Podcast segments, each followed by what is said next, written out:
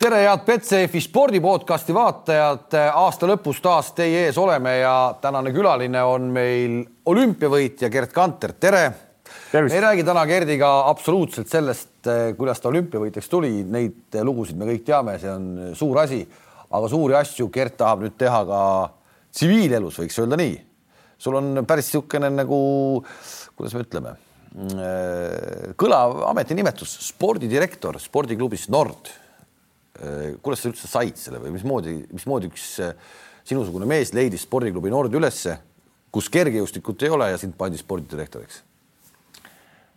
no eks tihtipeale sellised asjad juhtuvad nii, et äh, ikkagi teatavad inimesed, kes tunnevad oma klubi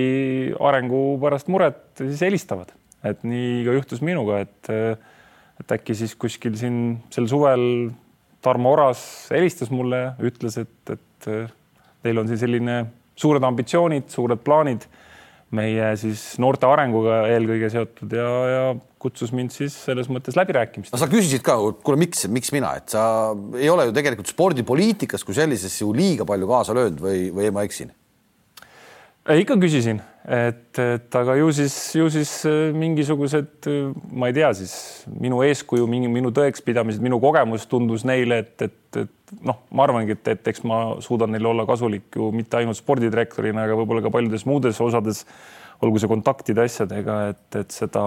klubi asja selles mõttes edasi lükata. No sa oled tegelikult üritanud pärast seda, kui sa lõpetasid äh, oma nii-öelda sportlaskarjääri ikkagi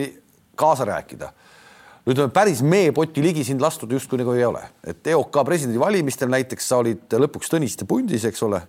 kuidas läks, me kõik teame. nüüd põhimõtteliselt oled sa sealt eemale puksitud äh, no eemal puksitud selles mõttes ei ole, et ma endiselt olen sportlaskomisjoni esimees, meil olid siin uued valimised äh, suvel või kevadel, et, et selles mõttes igal juhul täitevkomitee liige olen edasi järgmised neli aastat et igal juhul ma saan, saan oma mõtete ja, ja selles mõttes tähelepanekutega. keegi, keegi sind ei kuula? ma loodan, et kuulatakse, sest et ega, ega teatud teemade puhul on see, et, et neid tulebki kõva häälega selles mõttes välja tuua ja, ja loota, et selles mõttes, et et e-, ega siis ma arvan, et minu eesmärk ei olla ka opositsioonis, vaid pigem on see, et, et ega siis mingid teemad, mis, mis meie spordi arengut peaksid mõjutama noh, neid tuleb selles mõttes võib-olla ikkagi välja tuua ja pakkuda ka lahendusi, mitte ainult näidata näpuga. no me kohe hakkame rääkima nendest arengutest ka, aga, aga ikkagi, miks sa EOK presidendivalimistel ei läinud Sõõrumaa punti, et ega ometi nii ei olnud, et ta ei kutsunud sind uh...? ikka kutsus ju. ei no selles mõttes ei kutsunud, et ega ju ütleme, et ega ju võib-olla, kui me räägime nendest valimistest, siis ju ega siis Urmase meeskonna ju väljatulek oli ikka niisugune väga viimase, ütleme siis minuti asi nagu, mis, mis ma arvan, väga paljudele nagu ei meeldinud, et, et, et noh, kui sa tahad selles mõttes tulla ja teha, siis ma arvan, et, et eriti nagu,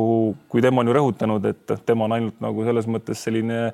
suur juht, kes igapäevategemistesse ei sekku, et siis selle meeskonna või siis kasvõi samamoodi selle täitevkomitee nimistu nagu presenteerime, seda enam, et kui me räägime ka valimisprotseduurist, mis on ju väga selles mõttes formaalne, et seal me nagu ei saa enam tegelikult valida, me saame ainult kinnitada. nii et, et selles mõttes eh, kogu selle meeskonna avalikuks toomine viimasel minutil, noh, minu meelest ei ole nüüd väga niisugune hea praktika. ehk sa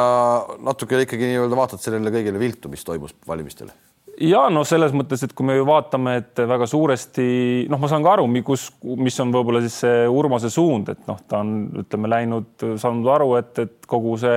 suuresti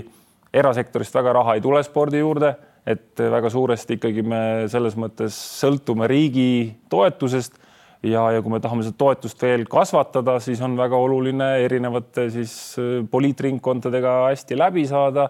ja, ja siis ka neid, et needsamad eesmärgid, mis on võib-olla Eesti spordil, et need oleks ka siis meie erakondade seal valimislubadustes, koalitsioonilepingutes, mis, mis kindlasti on, on kindlasti ka oluline. no sa oled täna selles äh, nii-öelda asjas rohkem sees ilmselt kui mõni teine, et et Urmase presidendiks kandideerimise kaks väga kõlavat äh, teemat oli see nii-öelda raha saamine Haigekassa eelarvest, mis iseenesest tundub nagu loogiline, eks ole, ilus mõte, ma ei tea, kas see teostub ka või mitte. ja teine, seesama äh, kooli kaudu panna siis äh, lapsed liikuma, kasut-, panna nii-öelda päevasel ajal töösse ka meie spordirajatised. kaks väga ilusat nagu teemat, näed sa, et see asi hakkab tööle? Noh, kindlasti selles mõttes, et lapsed on vaja liikuma saada, noh, samas ütleme siis suhelnud siin erinevate ekspertidega, siis, siis ma arvan, et selleks, et need lapsed koolis üldse tahaksid liikuda, siis tegelikult isegi veel olulisem on neid lapsi juhendada õigesti lasteaias. ja, ja tegelikult see, ütleme lasteaia võib-olla ütleme seal see vanus neli, viis, kuus,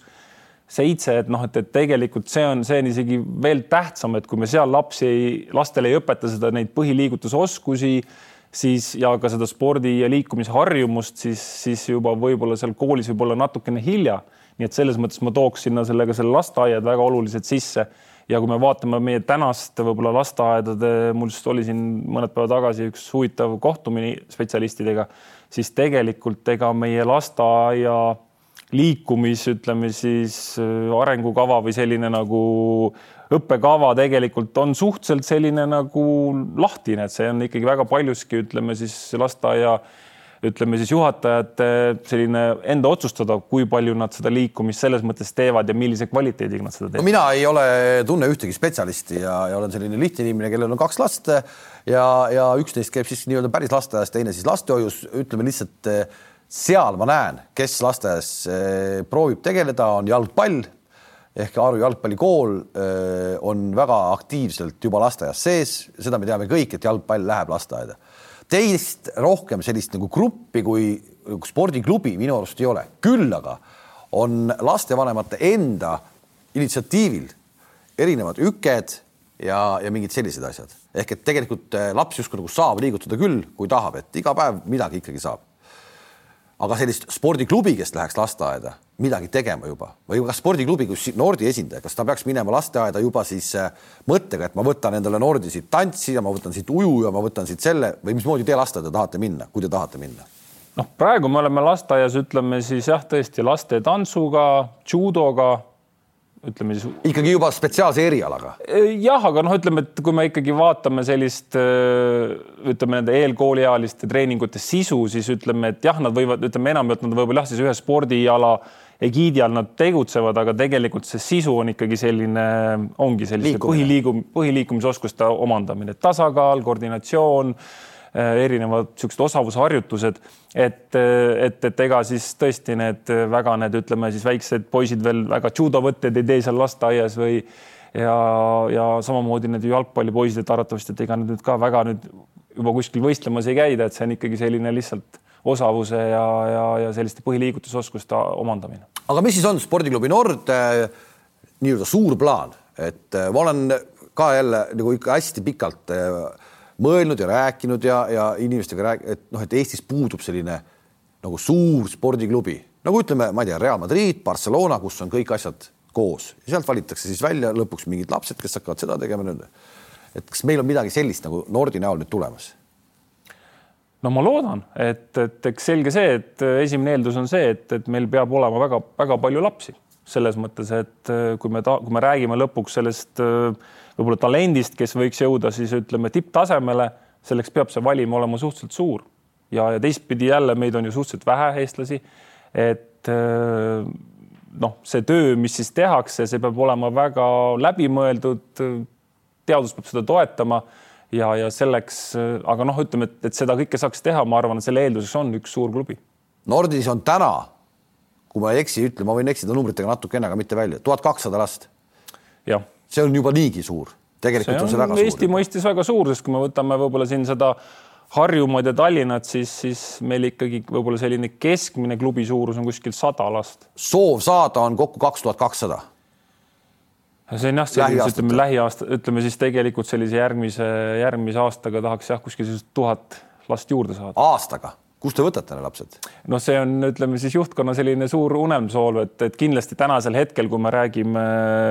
räägime Covidist, siis, siis selles, nendes tingimustes on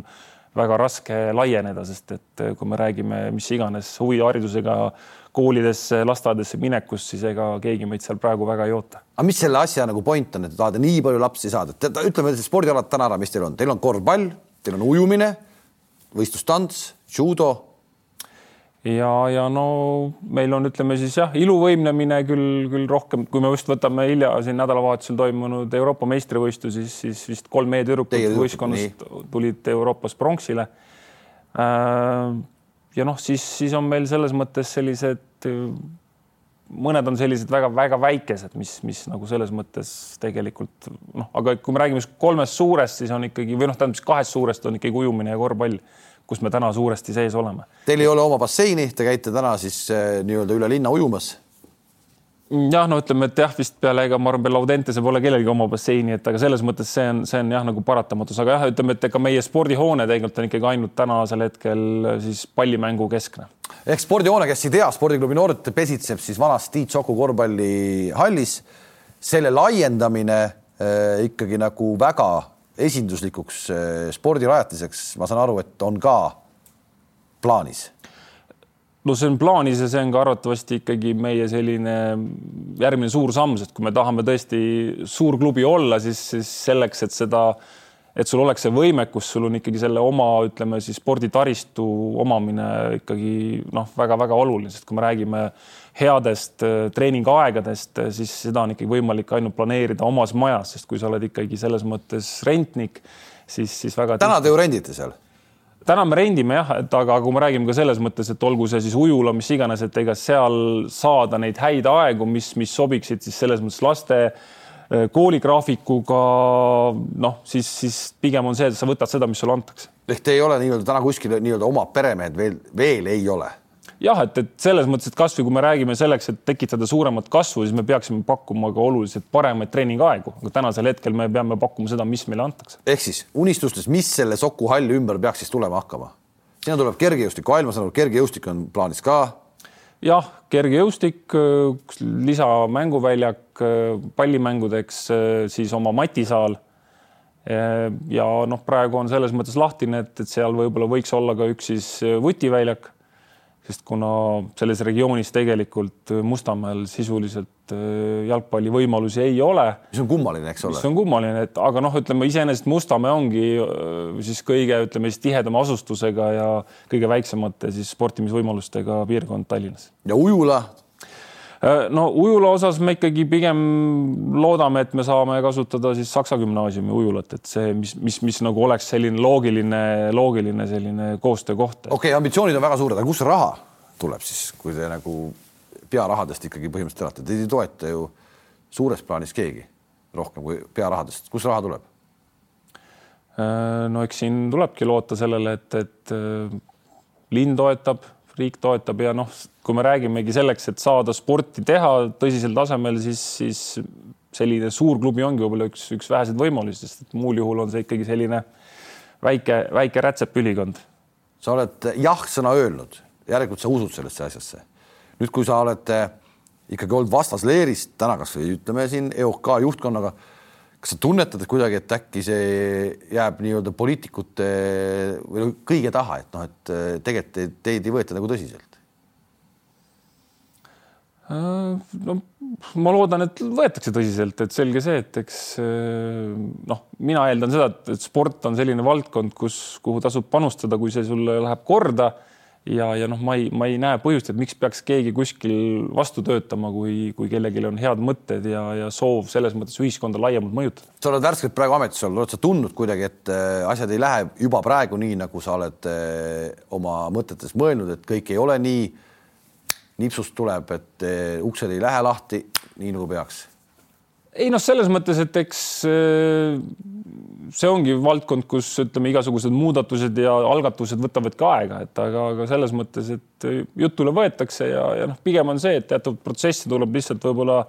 selle võrra ise aktiivsemalt äh, juhtida, et tuleb neid teema, teemasid lauale tõsta, tuleb leida olulised inimesed, kes on siis selle valdkonna eksperdid, kes siis võiksid, ütleme, vastavaid äh, otsuse tegijaid mõjutada, et, et vot need asjad on meil tegelikult siin tegemata või, või, või neid asju pole piisavalt tõsiselt võetud, et, et ei, ma seda kindlasti ei tunne täna on Tallinnas äh, jälle, sa eksin, paranda, kui ma eksin, aga enam-vähem suurusjärk sada viiskümmend, sada kuuskümmend erinevat spordiklubi. Tallinn võib tunduda nagu suur linn, aga tegelikult see number on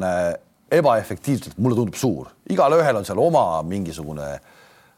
raamatupidamine, igalühel on seal mingid omad treenerid, kes midagi nokitsevad, eks, et see, see, see on ju suur, et seda ei ole vaja nii suur, nii suurt hulka klubisid või, või ma eksin?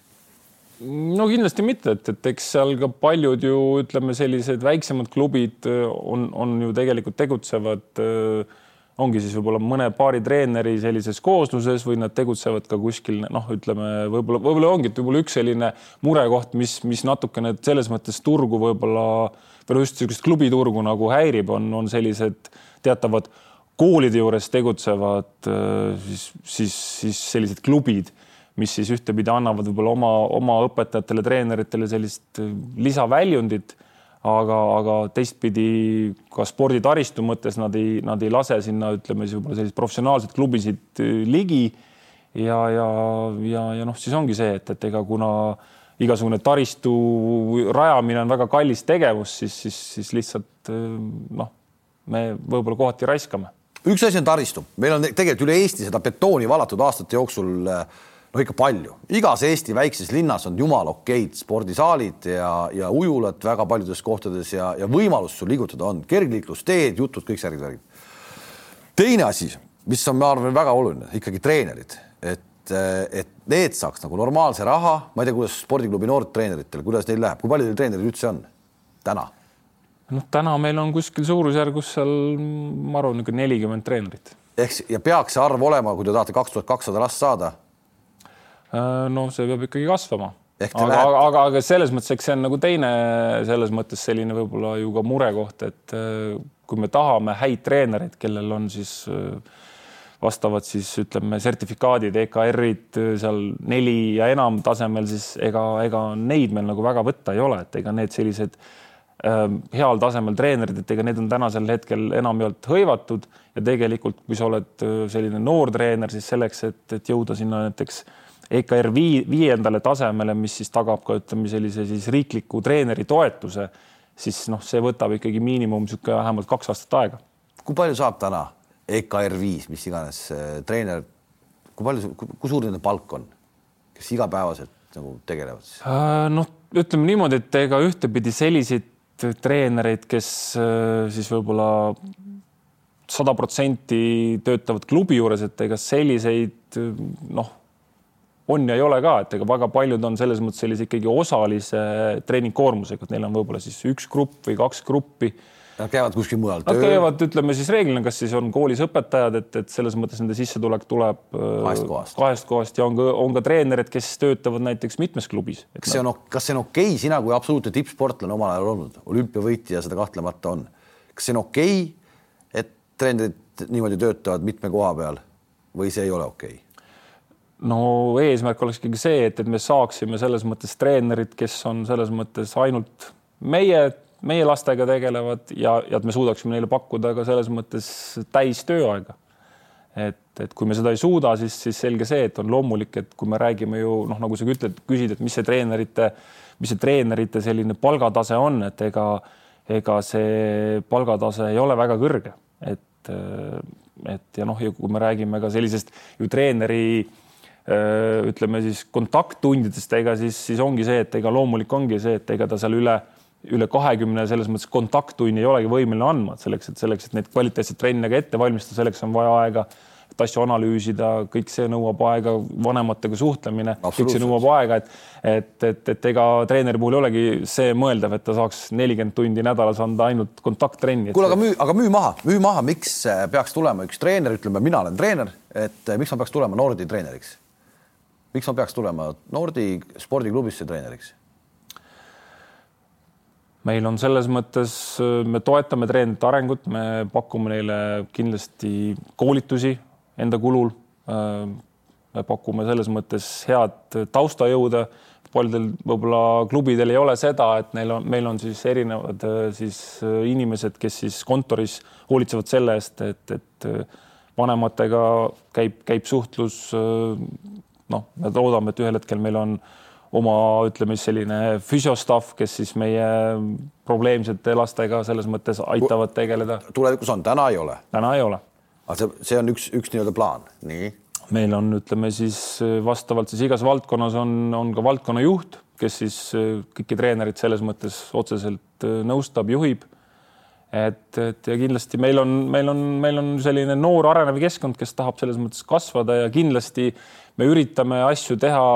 lähtuvalt siis, mida teadus tänapäeval kirjeldab. sest et noh, väga paljuski ikkagi ühiskond on muutunud. aga mida tehakse täna valesti? hakkame sellest, lähme sinna ka, mida siis täna tehakse lastega, noortega või valesti? esiteks spordihuvi kuidagi on kadunud, eks ole, kõik tehnika, muud jutud sinna, aga lihtsalt kui juba trennis on, mis nendega valesti tehakse sinu nägemuses? Äh, no see ei ole küll minu nägemus, et see on see, mida siis ütleme, võib-olla, mida teadus kirjeldab, mis, mis, mis muutused on ühiskonnas toimunud, et aga väga paljuski on see, et, et liiga varane spetsialiseerumine, et ma viingi oma lapse juba näiteks ütleme seal esimeses klassis ongi see jalgpall või, või korvpall, et me tahame hakata kohe spetsialiseeruma, et see igal juhul juba tegelikult äh, limiteerib lapse võimalusi, sest ühtepidi me ei teagi, kas talle see spordiala sobib et, et ütleme, et selline minu suur unistus on see, et, et me suudame oma klubis avada sellised või me, me alustame sellisest väga multispordi lähenemisest, et, et esimesed ikkagi sellised võib-olla kolm-neli aastat, kui laps tuleb meie treeningutele, noh, see võib olla ka selles mõttes. mis vanuses tuleb? Noh, ütleme, et reeglina ta tuleb ikkagi seal kooliealisena, noh, tuleb seal ütleme esimeses klassis, muidugi, et me võtame lapsi ka varem juba lasteaias, aga, aga ütleme, et suures pildis, et, et kui ta ütleme seitsmeaastane laps, ta tuleb meie sellisesse multispordi trenni, kus, kus me siis tegelikult. seal tehakse siis? seal tehakse kõike, seal õpitakse selles mõttes jooksma, hüppama, erinevaid osavusasju, koordinatsiooni, et, et see laps selles mõttes, et kuhu iganes ta siis tulevikus ühel hetkel tahaks spetsialiseeruda, et tal oleks selles mõttes sellised põhiliigutusoskused välja arendatud. mille, mille, mis maamudel see on? seitsmendast eluaastast, ütleme, sa ütlesid kolm-neli aastat, kümme, üksteist hakkame alles eriala valima. mis maamudel see on? Äh, no praegu see, ütleme siis see mudel on kuskil, ütleme selle, ütleme siis ingliskeelne termin on long term athletic development. Äh, seda on siis rakendatud, ütleme viimased viisteist aastat Kanada, USA, Inglismaa, Austraalia, et sellised suured-suured spordiriigid on seda nüüd siis ikkagi juba omajagu siin selles mõttes katsetanud ja, ja, ja see selles mõttes on, on näidanud positiivseid tulemusi. see kuidagi kompenseerib tänapäeval äh, seda nii-öelda tavalist hoovisporti, mida omal ajal, ma arvan, sina, mina, kõik tegid, me elasime ikkagi suhteliselt palju õues alates, ma ei tea, minisuusatamisest, kelgutamisest, eh, kasvõi lumesõjast, eh, kõik puu otsas ronimised ja kõik muud jutud, mida täna ilmselt liiga palju, nii palju ei ole. Kas see kompenseerib kuidagi seda? Äh,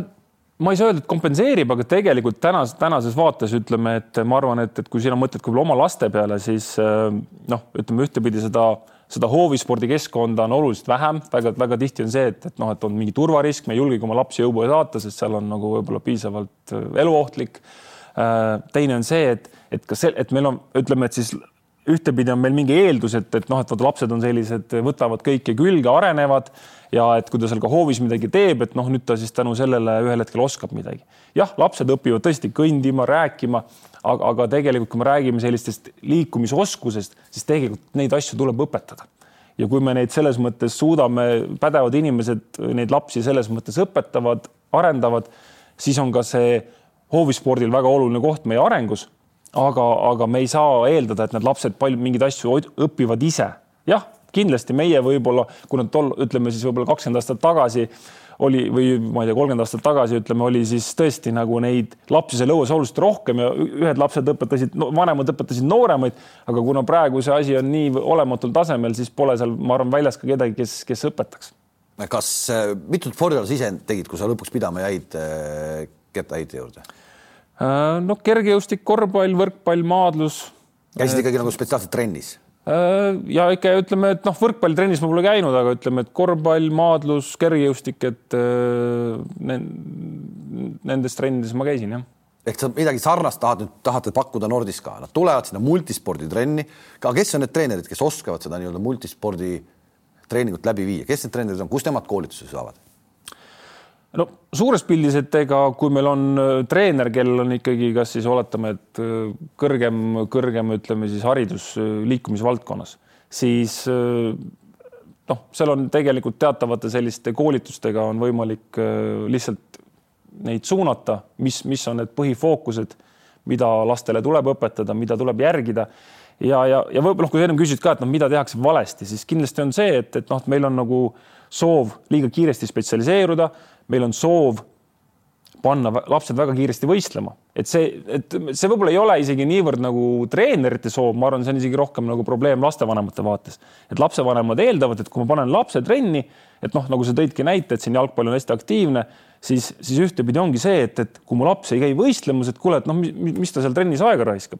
aga, aga väga paljuski sealt juba tulevad esimesed tagasilöögid, et tegelikult kui me saadame lapse võistlema, kes ei ole selleks valmis, siis sealt tuleb see esimene negatiivne tagasilöök. Ja võib-olla lapse soov üldse edasi trennis käia ei olegi üldse nii suur. Ja tulevadki need teised valikud. nii et, et me peame jälgima seda, et, et esiteks, et lapsed on üldse valmis võistlema. Ja, ja kui me räägime sellisest multispordi või sellisest mitmekülgsest arenemisest, siis tegelikult selline võib-olla aktiivsem võistlemine peakski tulema alles, ütleme seal niisugune üksteist, kaksteist, mitte ennem see on lihtsalt näitena, ühe väikse näitena kiiresti tuua, mulle jäi siin mõned nädalad tagasi silma üks äh, korvpalli tulemus kuskilt Tartust, kus noored mängisid, lapsed mängisid ja kaotas üks võistkond teisele üle saja punkti. ehk see on midagi sellist, mida sa tahad, et noh, et sellist asja tegelikult ei juhtu, see võibki olla see alla üle saja punktiline kaotus lastele tähendabki ju tegelikult katastroofi, ma ei oska mitte midagi ja miks ma seda teen, enam põhimõtteliselt nii jah? Jah, täpselt. Ja noh, ja, ja, ja kui ja seda enam, et teine, mis ütleme siis võib-olla treeneri vaatest mingil hetkel hakkab äh, siis laste arengut segama, on tõesti see, et kui me hakkame vara, varaselt võistlema, siis äh, siis tegelikult selleks, et saavutada võitu, noh, kui me räägime näiteks mingist võistkonna spordialast, noh näiteks korvpallist, siis oletame, et mul on seal pingi peal kümme, kümme kutti või kümme tüdrukut, siis, siis ma olen sunnitud või noh, ma, kuna ma tahan võita, siis ma kasutan neid kõige osavamaid. Mis tähendab seda, et võistkonnas on juba, oletame seal väga varases vanuses keegi, kes istub, kes istub pingi peal. jah, aga, aga, aga tegelikult ütleme, võib-olla selles lapses tõesti on potentsiaal kunagi olla väga hea, aga kui me ei anna talle juba varases staadiumis võimalust osaleda ja teha teistega võrdselt kaasa, siis see on selge see, et, et tema ju soov ja huvi spordi vastu jahtub. ja, aga noh, see on natuke võib-olla liiga ideaalne kuidagi nagu mudel, et noh, kõigil ei saagi kunagi ju hea olla, et see ongi elu, elu ja, nagu nii-öelda paratamatus, et sa pead ju ikkagi ennast nagu, nagu heaks tegema no.. jah, aga samas ongi, et kui me ei ole veel nagu selles mõttes andnudki võimalust neid oskusi omandada ja juba teeme selektsiooni, noh, siis see on nagu ütleme liiga vara et me peaks ikkagi andma võimaluse, et kuule, et, et noh, et aga kui seesama vend, ma tahan sinna jõuda, kui seesama vend, kes istub seal pingi peal, ütleme korvpallis, Nordis ta ei saa, ta on üheksa aastane, ta ei saa. et, et aga äkki ta on hoopis hea mingil muul alal, ehk et siis põhimõtteliselt te saaksite nagu ta suunata hoopis äkki sinna. noh, ütleme, mõte oleks jah selles, et, et see laps tuleb selles mõttes sellisesse multisporditrenni, kus ta siis tõesti teeb kõike, no ongi, mängib vutti, mängib korvpalli, õpib igasuguseid oskusi ja, ja, ja, ja, ja siis ühel hetkel tõesti me anname soovitusi lapsevanematele, et, et kuhu suunda ta võiks oma lapsega selles mõttes vaadata. aga, aga tõesti selles mõttes selle, selle pikaajalise sportliku arengu mudeli ikkagi üks selline nagu jälle oluline, ütleme siis tugipunkt on see, et, et me tegelikult hoiaksime sellist nagu mitut spordiala selles mõttes aktiivsena päris pikalt, sest et kõik ütleme siis teadusuuringud ka näitavad seda, et kui me tahame hiljem äh, sportlast, kes oleks terve, kellel oleks vähe vigastusi, kellel oleks ka pikem karjäär, siis tegelikult need kõik sportlased on tegelenud pigem mitme spordialaga kui ainult ühega. muidugi on ka erandeid, aga ikkagi selline mitmekülgsem nagu vundament annab meile eelduse, et me ka hiljem selles mõttes oleme tervemad ja meie karjäär on edukam. jälle võime tuua selliseid kiirelt õhust võetud näiteid, et no mul kohe esimese meelde näiteks Jürgen Sopp, tennisist, eks ole, sai lõpuks suured koormused peale ja kohe hakkasid vigastused tulema. ma ei tea, kas ta tegi noorest peast midagi muud või spetsialiseerus väga varalt tennisele. ehk et, et need tulevad, aga kas, kas, kas nagu see maailma näide on see, et sa ei pea olema paanikas, kui sa nüüd ütleme kümneaastaselt, sa ei ole tulnud no ütleme, võtame tennisest, sa pole tulnudki veel kümneaastaselt Eesti meistriks oma vanuseklassis, pole hullu midagi, et kui sa alles kümneaastaselt alustad, sa tahad nagu seda öelda? ja et selge see, et meil on spordialasid, kus selles mõttes selline äh, varajane spetsialiseerumine on nagu vajalik, et kui me räägimegi siin, ma ei tea, võimlemisest või võib-olla ka ujumisest, kuigi ujumises on ka näiteid, kus mõni, mõni vend on tõesti väga hilja hakanud ujuma ja on, on jõudnud nagu täitsa absoluutsele tasemele. aga, aga pigem on tõesti see, et, et jah, et noh, võtta kasvõi minu enda näide, et, tegelikult kui ma hakkasin ikkagi alles keskkoolis selle, selle asjaga natuke tõsisemalt tegelema et, et. no oma spetsiaalse erialaga. jah, jah, et, et selles mõttes nagu, et, et kõik see selline nagu kompamine, erinevate asjade proovimine on tegelikult pigem kasulik. et, et noh, see on samamoodi nagu tegelikult ju haridussüsteemis, et kui me läheme, noh, paljud noored lähevad ülikooli, siis väga tihti tegelikult ju ei tea esimesel aastal, et mida ma täpselt tahan. on jah, muidugi neid, kes teavad, et vot minust tuleb arst, minust tuleb jurist, aga on ka neid, kes tõesti peavad minema esimesel kursusel vaatama ringi, proovima siit-sealt, saama aru, et see on see, mis mind kõnetab. See tundub nagu suhteliselt lihtne, aga miks seda ei ole siis varem Eestis nagu rakendatud või, või miks seda, seda võimalust ei ole?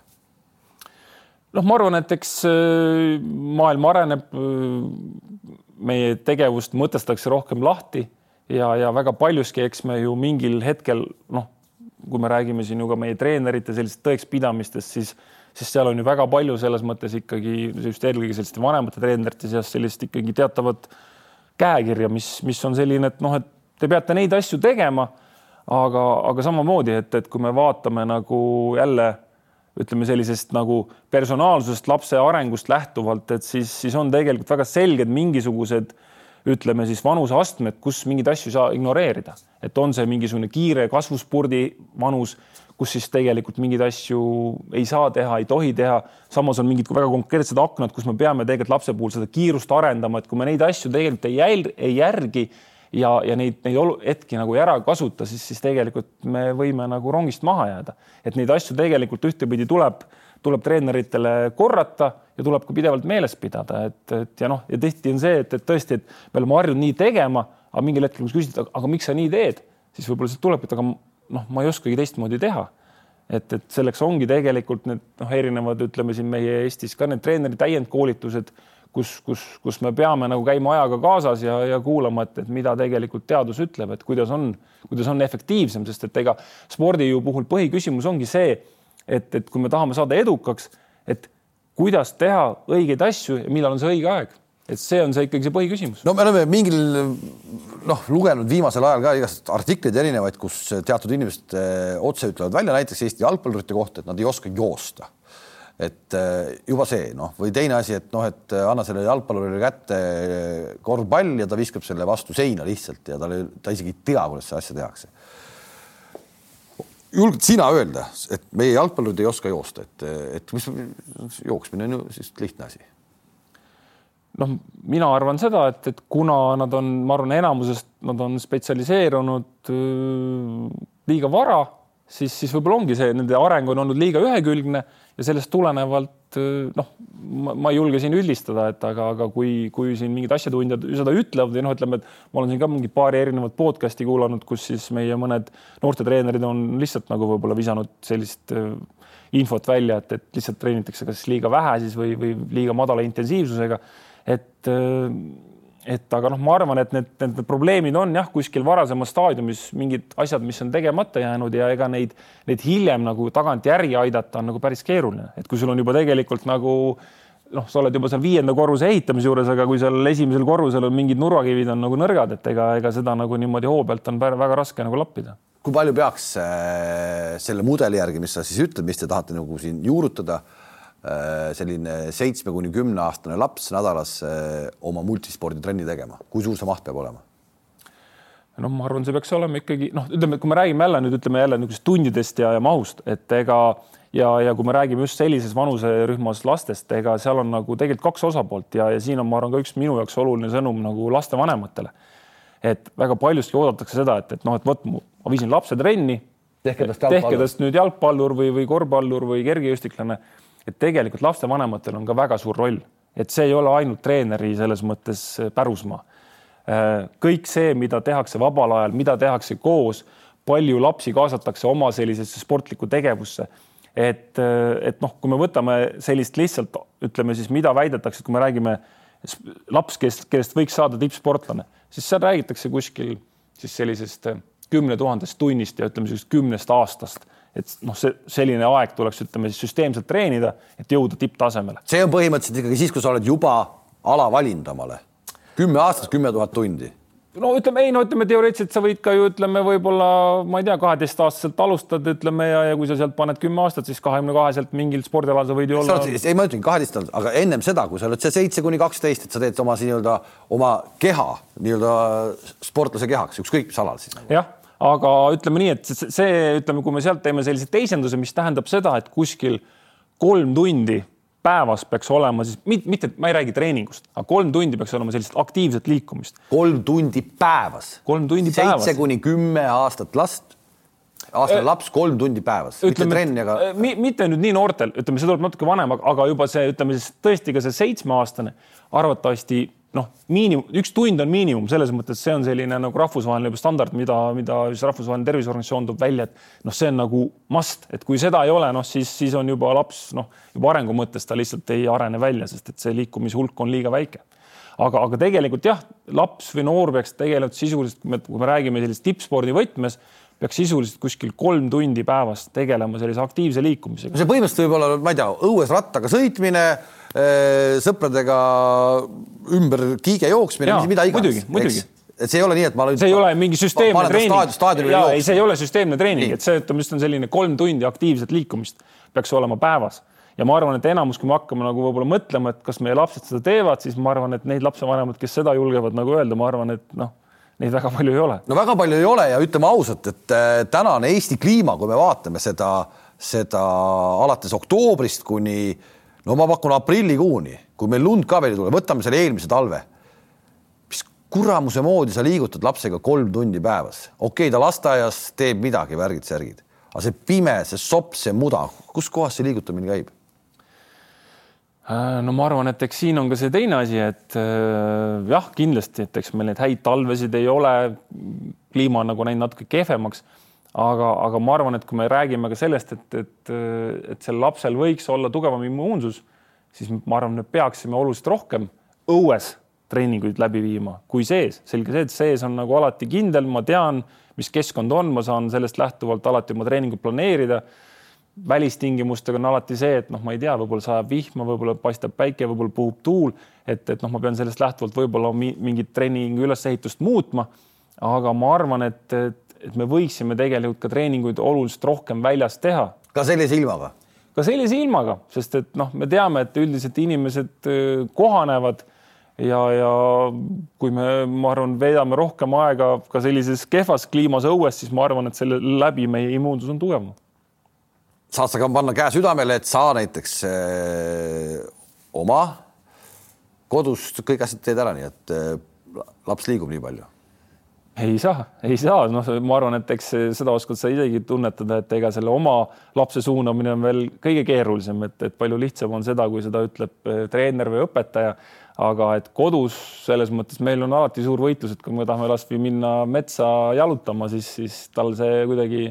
õues käimine üldse ei istu millegipärast, ma ei tea, miks, aga, aga, aga see on alati suur-suur võitlus. ehk see on sinul endal, kes sa istud siin praegu ja räägid, kõik see võiks nii olla. Tegelikult on see keeruline. see on väga keeruline ja, ja, sellepärast ma rõhutangi, et tegelikult et lapsevanematel on väga suur roll ja, ja, ja me peame selles mõttes kogu aeg, iga päev püüdlema, et, et oma lapsi suunata liikumisele sest et eh, kui lapsed näevad, et, et me ise seda naudime, siis nad tahavad meiega samastuda, tahavad meid jäljendada ja kui nad saavad või noh, näevad, et noh, et see on meie pere üks selline normaalne rutiin, et ma ei tea, et iga, ma ei tea, pühapäev käime jalutamas või käime mingit, ma ei tea, ratastega sõitmas. see on pühapäeval, sa ütlesid praegu seitse päeva nädalas on vaja kolmetunnist liikumist. ei no mul teine õnneks on see, et meil on kodus jõusaal ja seal on igasugused varpseinad ja igasugused asjad, kus ta siis ehitab oma takistusradasid, et selles mõttes ma ikkagi no ütleme niimoodi, et kui me räägime ka sellisest, ütleme ju jälle sellisest, ütleme eelkooliealisest lapsest, siis tegelikult ikkagi seal see teine võtmesõna on ikkagi see, et see liikumine peab lapsele rõõmu valmistama. et, et ega, ega me nagu ühtegi last selles mõttes mingi sunniga liikuma ei pane. kui ma nüüd ütlen, et kuule, et davai, et pane nüüd kümme lõuga ja kakskümmend kätekõverdust, noh siis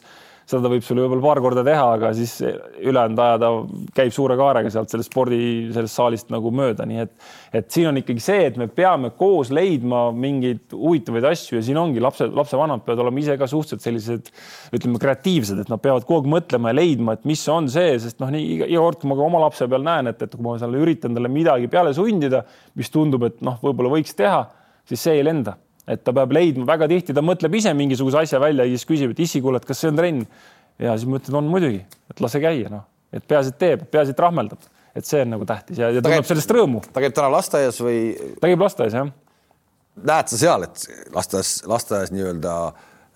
rühmasiseselt liigutakse piisavalt või ollakse seal ka ikkagi vihmaga ikkagi natuke liiga palju toas? Noh, eks siin tänu sellele Covidile, ma arvan, enamus lasteaedades on ikkagi lapsed, lapsed oluliselt rohkem väljas selles mõttes viibinud. aga, aga noh, teiseks noh,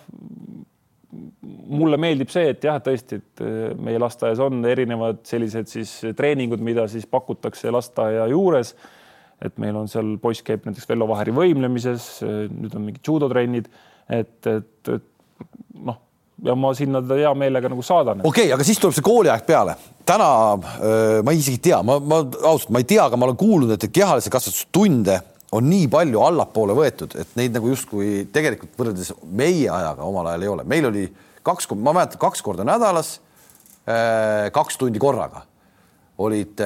kehalised tunnid, need olid kõige oodatumad tunnid üldse. täna ma saan aru, et see nii ei ole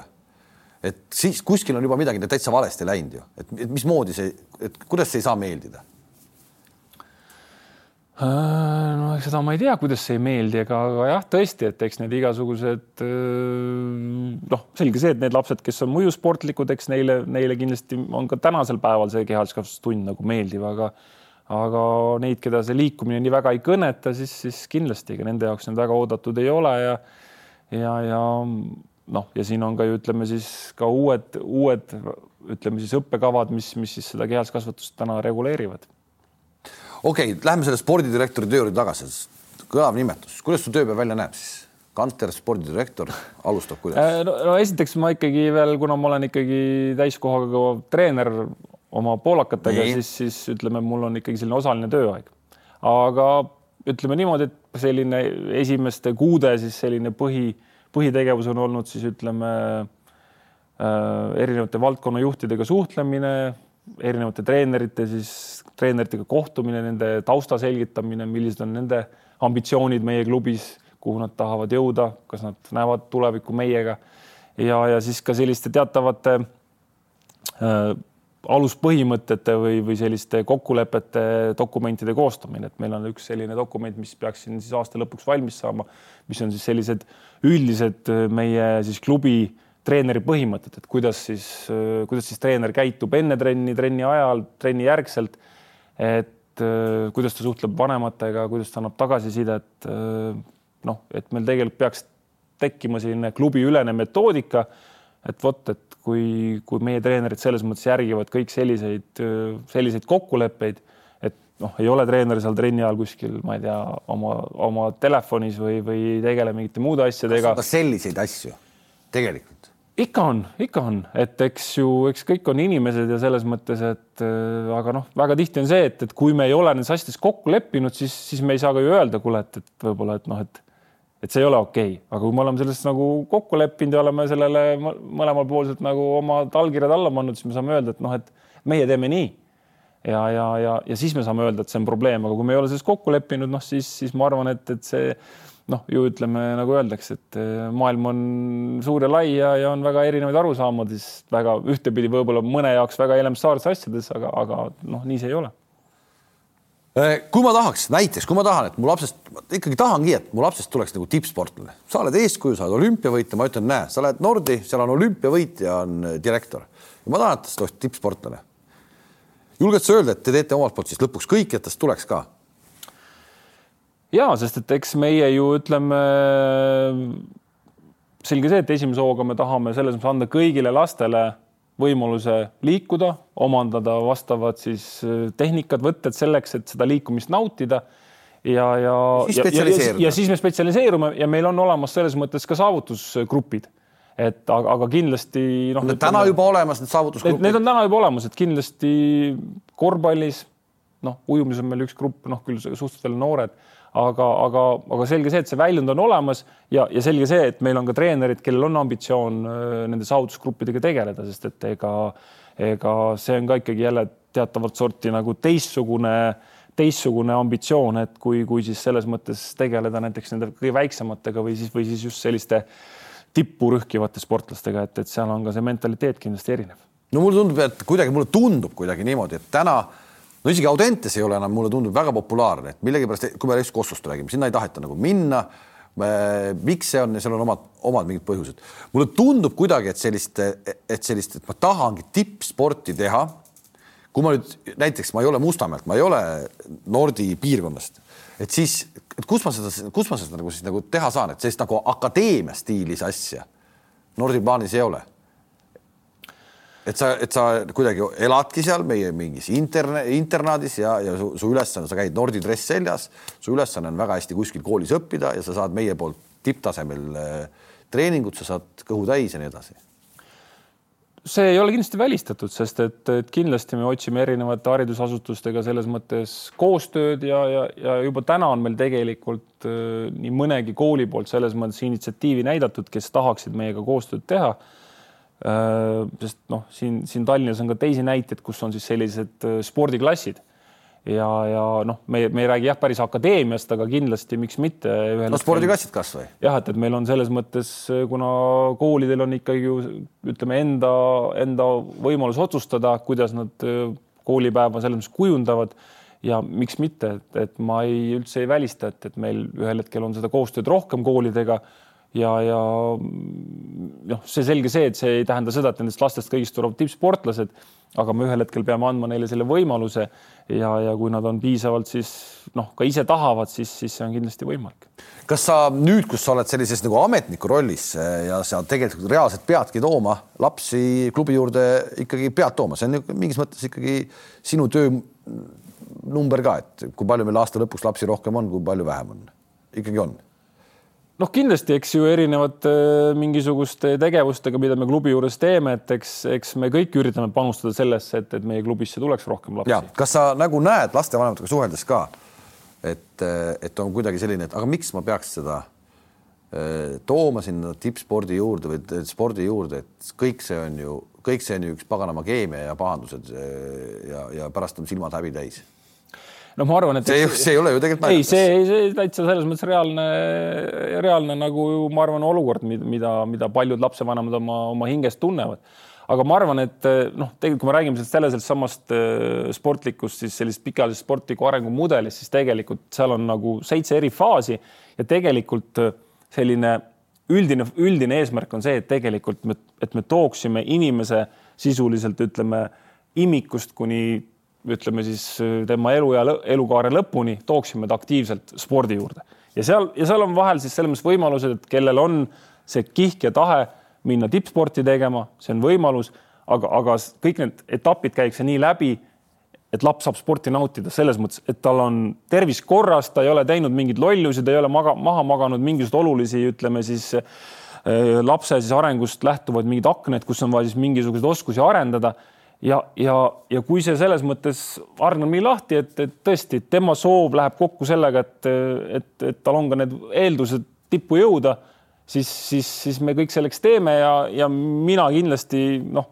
mitte ainult meie klubis, aga üleüldiselt noh, ma olen kogu aeg rõhutanud, et tippsporti on võimalik teha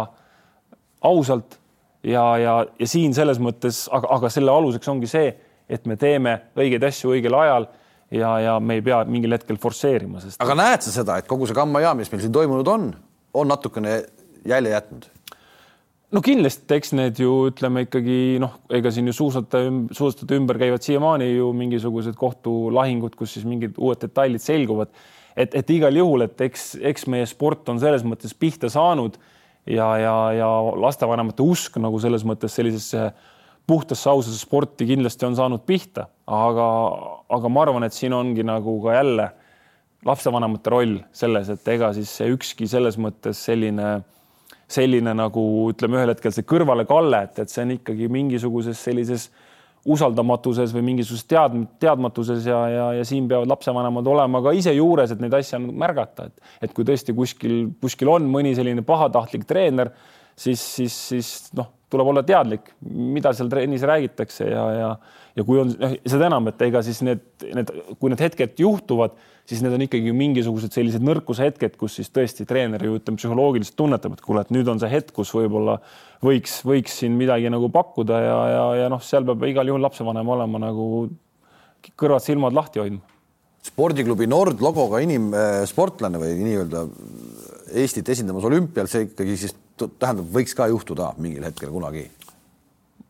muidugi, noh, selge see, et, et täna, täna noh, ma ei tea, räägime kasvõi nendest samadest võimlejatest, kes siin ju tegelikult järgmine aasta vähemalt lähevad seda olümpiapiletit püüdma. nii et see ei olegi nii kaugel. et see ei ole niigi kaugel, aga, aga noh, nagu ma ütlen, et suures pildis, et inimesed ei pea nagu eeldama seda, et, et noh, et kui nad meie juurde tulevad, et me räägime ainult tippspordist, et siin on ikkagi pigem see, et me paneme lapsi nagu liikumist armastama ja sellest saaks nende eluviis ja tõesti, kellel on siis see tahtmine, soov ja eeldused, siis nendel on ka võimalus jõuda tippu. kui näiteks lapsevanema rolli paneme, ma toon lapse trenni äh,. näit-, noh, ma toon jälle puhtalt oma näidete peal, ma viin oma poisi ujumistrenni,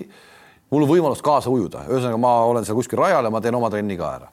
kui ma toon Nordi trenni oma lapse, mis, mismoodi ma oma selle tunni veedan? Saan ma kuidagi läbi Nordi, ma ei tea, mingite riietusruumide minna ka äkki kuskile ennast liigutama selleks ajaks Äh, noh, kindlasti meie selle oma majaga need võimalused paranevad, aga kindlasti tänasel päeval meie uus valdkond on ka täiskasvanute treeningud, kus me siis pakume täiskasvanutele üke, üket ja ujumist. Ja, ja, ja see on kindlasti selles mõttes oluline tähelepanek, et, et väga paljuski noh, lapsevanemad seda, seda. see on niisugune totter tund aega ju. totter tund aega, näiteks mõni passibki, mõni ongi kaugel, ma saan aru, et lapsed peavad käima ise bussiga ja kõik asjad, aga mõni tuleb kuskilt kaugemalt ja nii edasi ju ma oleks ju okei okay,, kui ma saaks ka liigutada see tund aega ju. muidugi, muidugi või, või siis tõesti, et kui meil on ühel hetkel oma see maja piisavalt suur, siis ongi see, et, et, et meil on seal suur jõusaal, mis iganes, kus on võimalik oma, oma treening ära ka teha, sest ega nagu sa ütled, et ega meie meie aeg on väärtuslik ja, ja kui ma seda nüüd tund aega lihtsalt maha passin, et ega, ega tõesti see, see noh, ühel hetkel hakkab meid ennast ka nagu natukene pärssima, et me hakkame vaatama ju noh, et ega kõik ütleme, et ega laste treening väga paljuski on ju suur logistika. Ja, ja selleks, et see oleks nagu kõikide osapoolte jaoks nagu mugav ja efektiivne, noh, selleks, selleks on, on väga palju väikseid nüansse, mis peavad nagu sobima no on ju maailmas ka näiteid, kus ma ei tea, lapsed viiakse kooli ette sõidab buss ja kõik lähevadki sinna nii-öelda klubisse trenni ja, ja, ja, ja nii ongi. no tegelikult on ka meil nii, et, et kui me räägime just siin äh, paljudest, ütleme noorematest korvpalligruppidest, siis ongi nii, et tegelikult sealt lähiümbrusest meie klubi buss võtab need lapsed peale viib, toob nad trenni ja viib ka pärast trenni neid kooli tagasi, et selles mõttes, et, et meil on ka selline võimalus täiesti olemas ja ja, ja ma arvan, et see on ka täiesti loogiline, sest et ega väga paljuski me nagu lapsevanematena me nagu väga ei tahaks, et meie seal võib-olla seitsme või kaheksa aastane laps nüüd hakkaks seal kuskil bussidega sõitma. et pigem on, see on, see on väga-väga ühtepidi mugav, aga samas kindlasti on see väga turvaline. kui sa korvpallimängu tõid, siis Nordi ja BC Kalev Cravo mingisugune projekt hakkas peale, mis see on mingisugune, tänaseks ma saan aru, et ikkagi see asi nagu justkui toimib. Alar Varrak on teil korvpallivaldkonna siis valdkonna juht, juht.. Eh, ehk korvpall tegelikult, kui Varraku-sugune mees seal juba nagu on, Eestis ikkagi väga nimekas treener. Eh, seda asja võetakse Nordis siis kõige tõsisemalt noh, kindlasti korvpallivaldkond on meil kõige suurem, et seal on meil kõige selles mõttes rohkem treenereid ja, ja, ja jah, kindlasti ütleme nii, et, et seal on arvatavasti klubi vaates noh, kui me vaatame ka ju siis EKR-e, mis näitavad siis ütleme treeneri sellist kvalifikatsiooni, siis, siis kindlasti see on valdkond, kus meil on siis kõige-kõige kõrgemad teadmised. ometi, kas, kui palju Nord neid riigimeistrivõistlustelt medaleid ära toob siis Kossus? No eks mul siin hea sõber Reinar Allik, eks ta siin aeg-ajalt ka helistab ja paneb puid alla, et kuule, et nüüd just siin kohtusime uue Hendrikuga mingis, ma ei tea, U neliteist, panime seal kaheteist punktiga ära, et et selles mõttes, et. Äh, kas see on see tulemus, et et te alustate nagu hiljem selle Kossu asjaga siis nagu või? ei, mitte, ei, ütleme niimoodi, et eks see, see kogu see mitmekülgsus, see on nagu võib-olla selline uuem suund, mida ma tahaks rakendada, et aga, aga ei, selge see, et aga ma ütlen, et, et noh, me kõik teame seda, et kui me räägime ju ütleme lõpuks sellest äh, tippspordist või profispordist, noh siis äh, noh, kas sa U neliteist Eesti meister oled, noh, kedagi ei koti tegelikult. et, et, et kui sa, oluline on see, et kui sa oled nüüd ütleme seal võib-olla kakskümmend üks, kaks, et kus sa siis oled. et, et võib-olla mõni kutt on alles, alles siin paar aastat käinud ja, ja, ja noh, ei tule välja, siis veel ei tule, et, et aga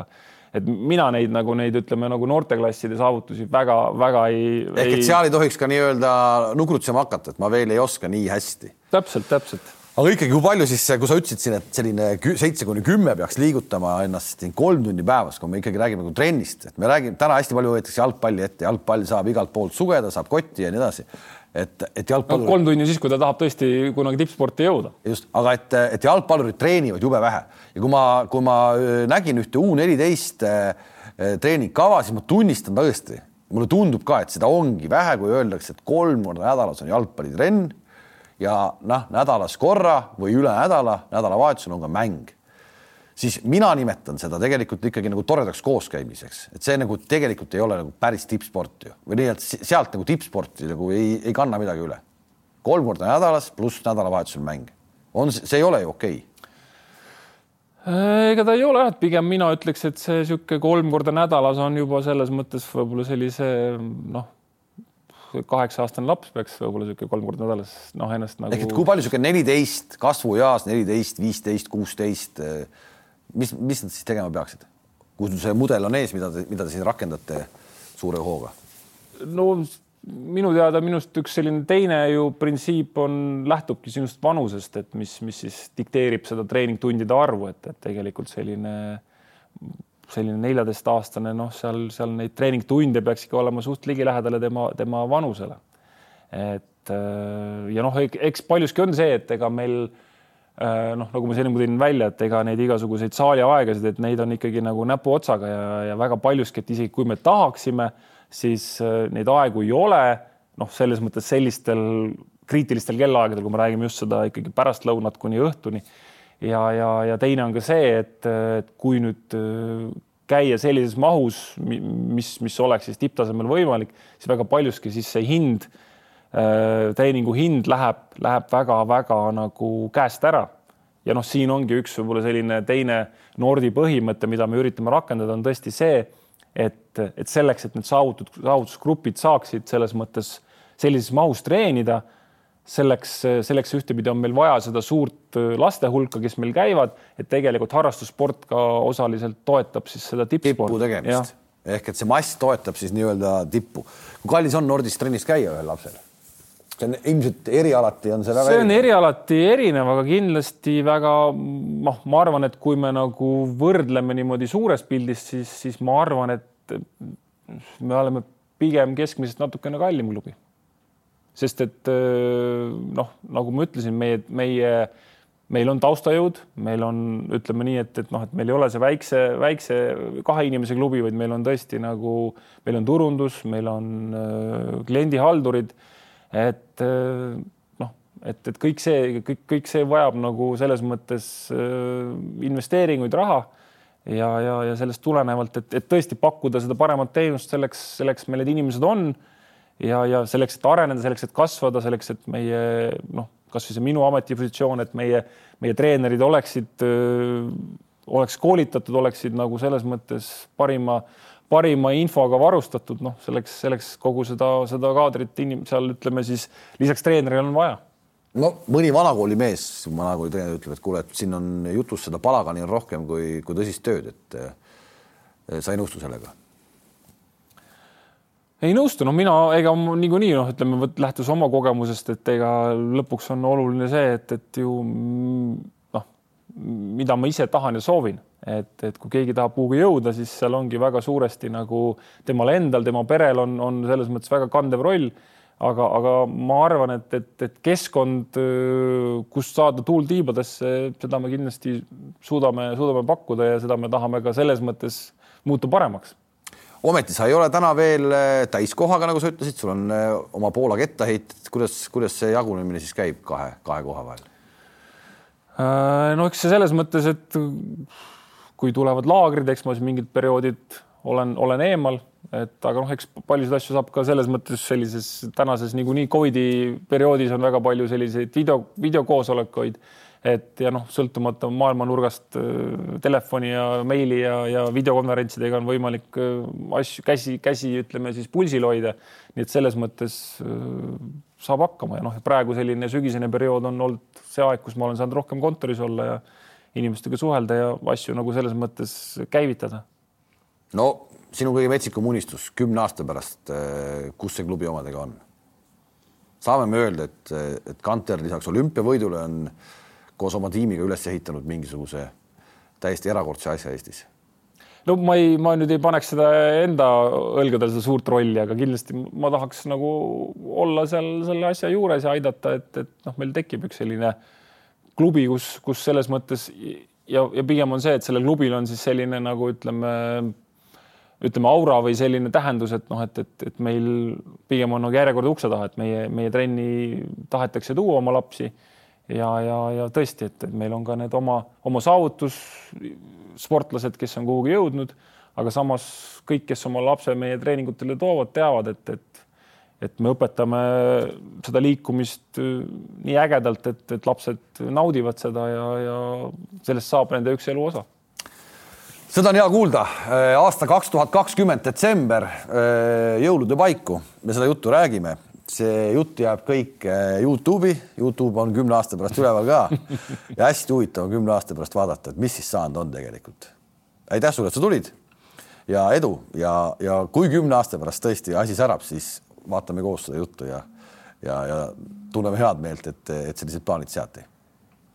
aitäh, aitäh, et vaatasite, täna oli siis Gerd Kanter, olümpiavõitja, nüüd spordidirektor spordiklubis Nord oma plaanidest rääkimas. kohtumiseni